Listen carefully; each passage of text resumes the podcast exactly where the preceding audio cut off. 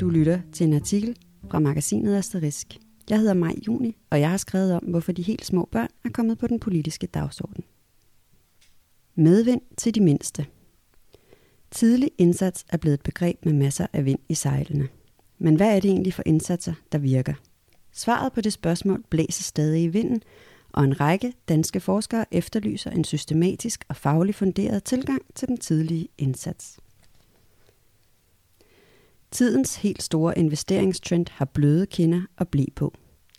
Udsigten til at høste gevinsten ved at sætte tidligt ind for at hjælpe børn i udsatte positioner har nemlig i løbet af få år i den grad sat det lille barn på den politiske og offentlige dagsorden. Effekten af den tidlige indsats er blandt andet dokumenteret af den amerikanske økonom James Heckman, som har undersøgt de langsigtede effekter af sociale indsatser og slået fast, at den tidlige indsats giver resultater som mindre kriminalitet, bedre uddannelse og flere i jobs. Fra alle hold inden for udviklingspsykologien, både de teoretiske og de empiriske, er det længe blevet fremhævet, hvor vigtigt de første år af et barns liv er. Emotionelt, sprogligt, kognitivt og socialt. Med Heckmans økonomiske teori på banen er det også blevet noget, man er optaget af politisk. Nu har vi medvind fra alle hjørner, konstaterer Ditte Winter Lindqvist, der er psykolog og lektor på DPU Aarhus Universitet. Medvinden suser blandt andet ind fra Christiansborg, hvor regeringen har sat en milliard kroner af til initiativet 1000 dages program En bedre start på livet. En indsats, som Ditte Vinter Lindqvist giver en stor opadvendt tommelfinger. Dels fordi pengene er øremærket til særlige indsatser, og dels fordi der er fokus på vuggestuerne. Men der er en bid vej fra godt til godt nok. Vi skal fokusere meget mere på den første tid af børns liv og investere meget mere i den, end vi gør i dag. Det er et multikomplekst samspil mellem medfødte dispositioner, stressorer i omgivelserne og det nære miljø omkring barnet. Og det samspil kender vi endnu ikke helt godt nok. Hvad kan beskytte, og hvad kan hælde nogen ud over kanten? Vi kan lige så godt have et forsigtighedsprincip og arbejde ud fra at give gode barselsvilkår, god rådgivning til nye forældre, hurtigt få opsporet de familier, der har svært ved at løfte forældreopgaven, og lave tilpassede indsatser, der hjælper lige netop dem, så de kommer godt i gang med forældreskabet, siger Ditte Vinter Lindqvist. Der blandt andet efterlyser bedre indkøring i vuggestuerne, flere hænder, mere ekspertviden om små børn og mere samarbejde med særligt udsatte familier, men også samarbejde med familier i det hele taget. Medvinden til de mindste kan også mærkes på Københavns Universitet, hvor man i Babylab siden 2005 har forsket i kognitive og socioemotionelle udviklingsprocesser hos spædbørn og forældre i barnets første leveår. Og i løbet af de seneste fem år er interessen for feltet vokset ganske betydeligt, fortæller psykolog og lektor Mette Skovgaard Væver. Det samme er behovet for at få den videnskabelige evidens om små børns behov og udvikling omsat til praktiske indsatser og systematisk evalueret. Derfor etablerede hun i 2017 Center for Tidlig Indsats og Familieforskning, CIF, som arbejder for at styrke den sociale og sundhedsfaglige indsats til fremme af forældreressourcer og spæd- og småbørn 0-6-åriges psykiske sundhed. Der er sket et boom i interessen for tidlig indsats. Vi skal måske passe på, at tidlig indsats ikke bare bliver det nye sort, så vi alle sammen går rundt og siger Heckman-kurven og tidlig indsats og bliver enige om, at det er en super god idé, uden at det bliver konkretiseret, siger Mette Skovgaard Væver. Hun er optaget af psykisk sundhed i de første leveår og kan svare på, hvorfor den første tid er så afgørende. Det er i høj grad et spørgsmål om kvaliteten af de følelsesmæssige relationer, som børn udvikler til deres primære omsorgspersoner. For vores tilknytningsrelation har afgørende betydning for vores psykiske udvikling og måde at møde verden på. Vi har et medfødt repertoire af tilknytningsadfærd, som skal vække omsorgsmiljøet, så det kan møde barnets behov på forskellige måder. Kvaliteten af den omsorg, vi får, kan variere, og derfor får vi forskellige tilknytningsmønstre. De kan beskrives som indre arbejdsmodeller og er repræsentationer af barnets erfaringer med, hvad andre gør, når barnet udtrykker sine behov og viser det vredt, glad eller ked af det, forklarer Mette Skovgaard Væver. Tilknytningsmønstre kan være mere eller mindre trygge, og kommer til udtryk som de strategier, vi bruger, når vi skal håndtere især negative følelser. Omkring 60-70% af børnene i danske familier har et trygt tilknytningsmønster, mens resten har et utrygt eller desorganiseret tilknytningsmønster. Og det er især de børn, som har udviklet et desorganiseret tilknytningsmønster, som vi skal være bekymrede for, fordi det udgør en alvorlig øget risiko for senere at udvikle adfærdsforstyrrelser og andre psykiske vanskeligheder, fortæller Mette Skovgaard Væver. De trygge børn er meget effektive i forhold til at håndtere svære følelser, og det får betydning for børnenes udvikling fremadrettet. Det er børn, som starter i institutionslivet med en tillid til, at de voksne er der for at hjælpe.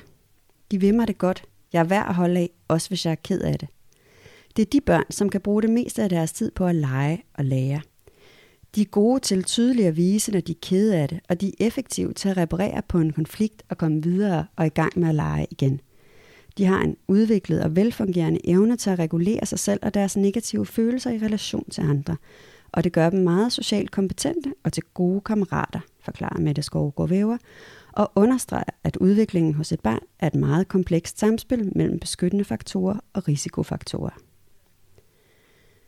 En tryg tilknytning er en beskyttende faktor, men det er vigtigt også at være opmærksom på, at et barn for eksempel kan have nogle medfødte vanskeligheder, som gør omsorgsopgaven vanskeligere. Det er en svær opgave for de fagprofessionelle at foretage en vurdering af det lille barns trivsel. Og også en, man skal gå til med en god portion ydmyghed, pointerer Mette Skovgaard Væver. Det er svært at vurdere små børns trivsel, og som fagprofessionelle er det en fælles erkendelse af det og en ydmyghed, vi skal mødes.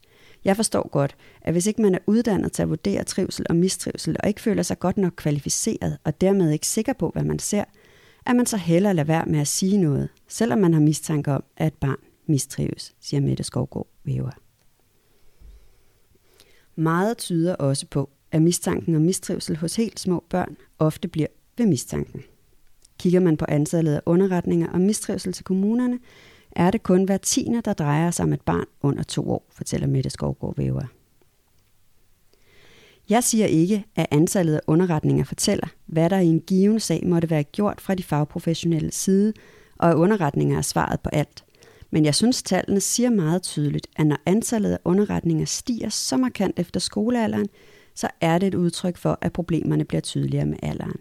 Problemerne har også været der tidligere, men der er ikke blevet reageret med en underretning. Måske fordi de fagprofessionelle har været i tvivl om alvorsgraden og har ville vente og se tiden an.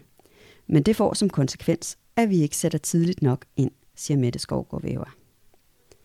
Hun efterlyser, at der udformes en national handleplan for en tidlig børneindsats. Aktuelt arbejder Mette Skovgaard Væver sammen med sine kolleger og Københavns Kommune med implementeringen af en metode, som sundhedsplejen kan bruge til mere systematisk at identificere tidlig mistrivsel og stress hos spædbørn. Målet er at hjælpe sundhedsplejersken til at lave en ensartet og objektiv vurdering af den psykiske trivsel hos 0-2-årige.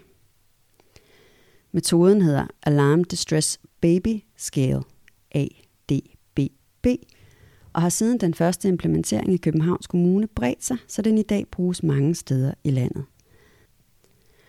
Som en del af metoden trænes den fagprofessionelle i at vurdere de små børns sociale kontakt på en række forskellige parametre. Og kurset afsluttes med en eksamen og en certificering. Både sundhedsplejersker, pædagoger og andre fagprofessionelle, der arbejder med spæd- og småbørn, tager kurset. Alle, der arbejder med små børn, indgår i sociale relationer med barnet. Vi ved, at lige præcis den tidlige sociale og følelsesmæssige kontakt er selve motoren i det lille barns psykiske udvikling. Og derfor er det et af de vigtigste områder, hvor vi kan opdage tidlig mistrivsel. Men hvis du spørger de fagprofessionelle, hvordan de vurderer kvaliteten af et barns sociale kontakt, så er det meget få, der kan svare på det. Derfor er det så vigtigt at operationalisere det og træne de fagprofessionelle i at bruge en systematisk observationsmetode og rigtig mange bliver meget overrasket og rystet, når de opdager, hvor subjektive og dermed forskellige fra individ til individ deres vurderinger af social kontakt hos det samme barn er. Og det at bruge en systematisk metode, som man er certificeret i, gør også, at den fagprofessionelle kan begrunde sin bekymring og tale kvalificeret om den, både med forældrene og med andre fagprofessionelle, fortæller Mette Skovgaard Væver. Også DPU-forsker Ditte Vinter Lindqvist er bekymret for, at den tidlige indsats i praksis kommer for sent. Derfor skal der laves flere underretninger om bekymringer for børns trivsel. Der er meget få, der har fanget, at en underretning bare vedrører en bekymring for et barn. Folk tror, det vedrører en bekymring for et barn, plus klare mistrivselstegn og indsigt i familiens problemer. Min oplevelse er, at folk har summet på det meget længe, når de underretter, og det gælder både pædagoger og sundhedsplejersker og andre fagprofessionelle. Man er meget sent til det. Og så længe vi har en lovgivning, der gør, at der skal være en underretning, før man kan lave en indsats, er det ikke så smart, siger hun. Det er en udbredt misforståelse af en underretning er en anklage mod familier og forældres evner, pointerer Ditte Winter Lindqvist. Mange har en forestilling om, at socialforvaltningen er den store stykke ulv, der kommer og fjerner børnene. I virkeligheden laver de en masse forebyggende arbejde, og de kunne lave mere forebyggende arbejde, hvis de blev inddraget tidligere. Der udstår en opgave med at ændre det image.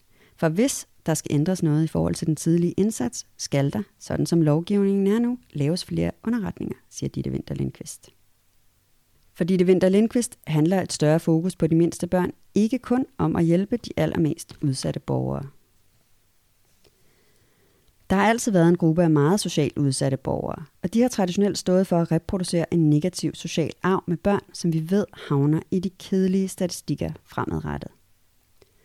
I dag er der også en kæmpestor gråzone af familier, hvor forældrene måske egentlig har ressourcerne, men er enormt meget i tvivl om, hvordan de skal være gode forældre, og måske ikke har så gode forbilleder i deres egne familier. Det er en gruppe, som er lidt på kanten hele tiden, og der ligger et enormt potentiale i at gøre mere for dem, siger hun, og pointerer, at det er en voksende gruppe, der har brug for en anden type indsats, end den tunge indsats, som socialforvaltningen typisk kommer med. Det jeg hører fra praksis er, at mønstret har ændret sig fra, at de udsatte familier typisk var meget unge mødre fra udsatte baggrunde, til nu at være en meget mere blandet gruppe. Det er ikke nødvendigvis unge mødre, men det praktikerne kalder usikre mødre. De kan være veluddannede og fremstå, som om alt er fint, fortæller Ditte Vinter Lindqvist og tilføjer, at det kalder på en anden type rådgivning end den, de tungt udsatte har brug for. En rådgivning, som rækker ud over det rent sundhedsfaglige og ind på den psykologiske bane. Pædagogerne har fået nogle helt nye opgaver i at rådgive familier fra alle sociale lag. Og det taler de også selv om som en ny opgave. Der er så meget usikkerhed blandt forældre i dag, siger Ditte Vinter Lindqvist, som mener, at det er et udtryk for nogle tendenser i vores tid, at antallet af familier i gråzonen og udsathed vokser. Generation præstation kommer til at have problemer med at blive forældre, fordi der er så meget kontroltab, ansvar og forudsigelighed forbundet med det at blive forældre. Spørgsmålet er så, om pædagogerne har kompetencerne til at løfte den opgave, der ligger i at vurdere de små børns trivsel og give den nye type rådgivning eller handle ud fra den faglige vurdering. Det tvivler Ditte Winter Lindqvist på. Det pædagogiske fag er blevet meget akademiseret. Det vi anerkender som viden, er ikke så meget viden i praksis, men mere et spørgsmål om, at pædagogerne skal være dygtige nok akademikere til at nå et bachelorniveau. Det er ikke nødvendigvis kompetencer, som gør dem dygtige til at være sammen med de små børn i daginstitutionerne og samarbejde med familierne om barnets trivsel. Det bliver de simpelthen ikke tilstrækkeligt trænet i. I virkeligheden hjælper det dem jo ikke at læse Niklas Luhmann eller Michel Foucault i forhold til at være handlingsorienteret i praksis. Det vil være meget mere frugtbart for dem at komme ud hos en sagsbehandler eller familiebehandler og se, hvordan man indgår i et samarbejde med familierne. Pædagogerne bliver med andre ord ikke uddannet nok til at have med børn som specifik målgruppe at gøre, vurderer Ditte Winter Lindqvist, som synes det er problematisk, at uddannelsen som pædagog fagner arbejdet med mennesker fra vugge til grav. I stedet for så hun gerne en specialisering i de 0-6-årige, der også indebar træning i at arbejde med udsatte familier og tværfagligt samarbejde. Selvom der er kommet en større politisk bevågenhed på den tidlige indsats, er billedet ude i kommunerne stadig meget broget, lyder vurderingen fra Mette Skovgaard Væver. Jeg har kontakt til mange kommuner, og det er et kludetæppe af forskellige indsatspakker, der er. Det betyder, at der er stor forskel på at være et lille barn i den ene eller den anden kommune. Og spørgsmålet er, om det er rimeligt med den forskel, hvis vi som samfund gerne vil øge chanceligheden for alle børn. En af de forhåbninger, hun nærer til en national strategi for en tidlig børneindsats er, at en sådan vil skabe en større ensartethed ude i kommunerne gennem standarder, anbefalinger og rådgivning til kommunerne. Resultaterne af en tidlig indsats kommer først mange år senere, og jeg tror, det er frustrerende både for politikere og fagprofessionelle at forholde sig til det faktum, at det, man arbejder på her og nu, ikke er noget, man kan se resultaterne af før om 10-15 år. Det er svært for det politiske system, for man vil gerne se hurtige resultater af de penge, man giver til et bestemt område. Samtidig må jeg i samme åndedrag nævne, at en national strategi også skal sikre, at de sociale indsatser bliver systematisk evalueret. For det har vi godt nok været ringe til. Og hvis ikke vi gør det, så kan vi ikke om 10-15 år sige, at det har virket, siger Mette Skovgaard Væver, og tilføjer, at den langsigtede forskning både er dyr og besværlig, og derfor ofte bliver nedprioriteret. På Trykfondens Børneforskningscenter på Aarhus Universitet arbejder forskerne med videnskabelige effektmålinger af indsatser i praksis. Professor og centerchef Simon Kalmar Andersen mener også, det er afgørende, at de nye initiativer, der sættes i søen for at skabe en bedre tidlig indsats, bliver evalueret. Han peger på, at det er svært at oversætte Heckmans studier til en dansk kontekst. I en del af forsøgene Heckman beskæftiger sig med, sammenligner man med nogle børn, som har et meget dårligere udgangspunkt end de danske, fordi vi i forvejen har et ret udbygget offentligt system. Der kan også være indsatser, som virker godt andre steder, men som ikke kan implementeres i Danmark, fordi det strider imod vores måde at gøre tingene på, fortæller han. Et eksempel kan være at motivere børn ved at give dem en økonomisk belønning for at opnå gode resultater. En taktik, der er afprøvet på enkelte folkeskoler, men næppe ville vinde bredt indpas hos danske pædagoger. Vi skal have vores egne data og tal.